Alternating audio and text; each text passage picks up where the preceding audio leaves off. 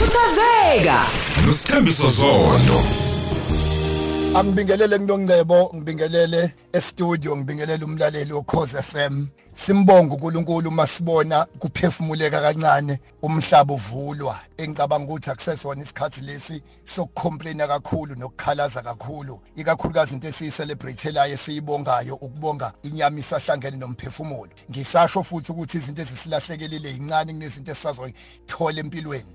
As long as you live usaphila as long as you you are kicking as long as ubona ukuthi usaya phambili akunandaba ukuthi ushiwe ubani akunandaba ukuthi ulahlekelwe ubani akunandaba ukuthi obani abakulaxazile impilo yakho ifuture yakho ikusasa lakho alibhaliwe emhlani womuntu okuyekile empilweni. Ukusuka komuntu empilweni yakho akusho ukuthi ngeke usafika la uyakhona uma uJehova esahlele esihlalweni nginethemba lokuthi mawami sisibhuti usengafika la uyakhona abantu bakithi besaphathanisa impilo behlele ematekisini behlele ezitimeleni behlele emakhaya bengasebenzi abanye. Uma uke wakholelwa kulento ukuthi inkosi as long as ngisaphila ungalwi nabantu abagilile empilweni nami awe njoba ngikhuluma kunomuntu okhala inyembezi ogilekile. Ngizokhuluma ngento ebalekile-ke manje. Eyiphila sisinoncebe engicela nje isikhathi esincane sisele ukukhuluma ngayo. Ethi kuyo yonke imndeni nakuyo yonke amabhizinisi nakubo bonke abantu ababangani nakubo bonke abantu abahlanganisa izinto ezithile empilweni. Ake sibuke lephila yokuthembana ukuthi ikhona yini. Ayikho into edliwe umuhlwa ezimpilweni zabantu phansi komthunzi welanga njengokuthi ukuthembana kusekho maye kubantu abashadayo kanti ngikufaka iringi. Kodwa inhliziyo yami iyabhakuza. Angimthembi umyeni wami angimthembi unkosikazi wami. Kubhlungu uqasha umuntu umshiye nenkampani yakho umshiye nesitolo sakho kanti angimthembi usibanibani. Kubhlungu ukuba neshongo umfundisi ngiyashumayela nginabantu abaningi ngiyamgcoba nje usibanibani. Kodwa cha angimthembi uba lento ingene nasephalamende yangena kwezopolitiki leyo ngingathembani ayikho-ke imndeni eyoma angiphinde again ngikusho lokhu. Uma singathembani ngesifike la siyakhona kodwa siyofela la sikhona.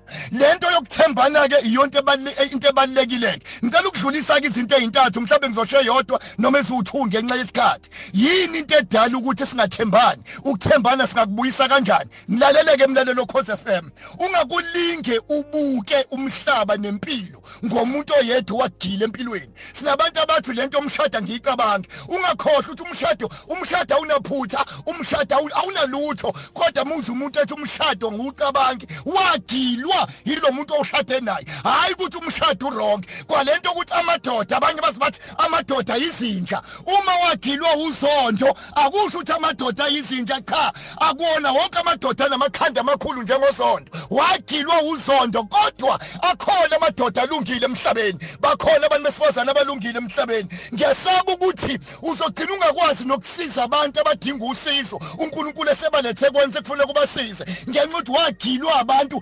abakhohlakele owabasiza kodwa bangathembeka kuwe. Ngizothi mlalelo Khosi FM umuntu oyedwa wagila ke kuthiwe a cat that was once seated on a hot plate stove. Will never sit on that hot plate stove again even if the plate is cold. Ikade la kulahlala ku two plate oshisayo lasha izinqa uthi mama uthi asihlale la lithi angicabangi likuvezela izinqa ezasha noma uthi uplate usubanda kodwa lithi ikade angicabangi. Ngifuna ukulapha bonke abantu abagileke empilweni nabantu abashayeka ukuthi hayibo musukubuka impilo. Kunomuntu nje ongathi mina nje indaba yesonto ngiyicabangi ubokwazi kwagilwa umfundisi noma wagilwa yikhona. uNkulunkulu uyisolution uyisixazululo sayonke into esigilile empilweni. Nakhona ngiyasaba ukuthi kunabantu abangasayi uNkulunkulu ngoba bagilwa abafundisi ngagilwa usonto ngagilwa umfundisi umkhise ngagilwa umfundisi ushabalala. Umfundisi wagila wena wacasukela uNkulunkulu. Ngisothi asikhuleke emhlabeni bantu bakithi eningizimu Afrika kunezinto ezintathu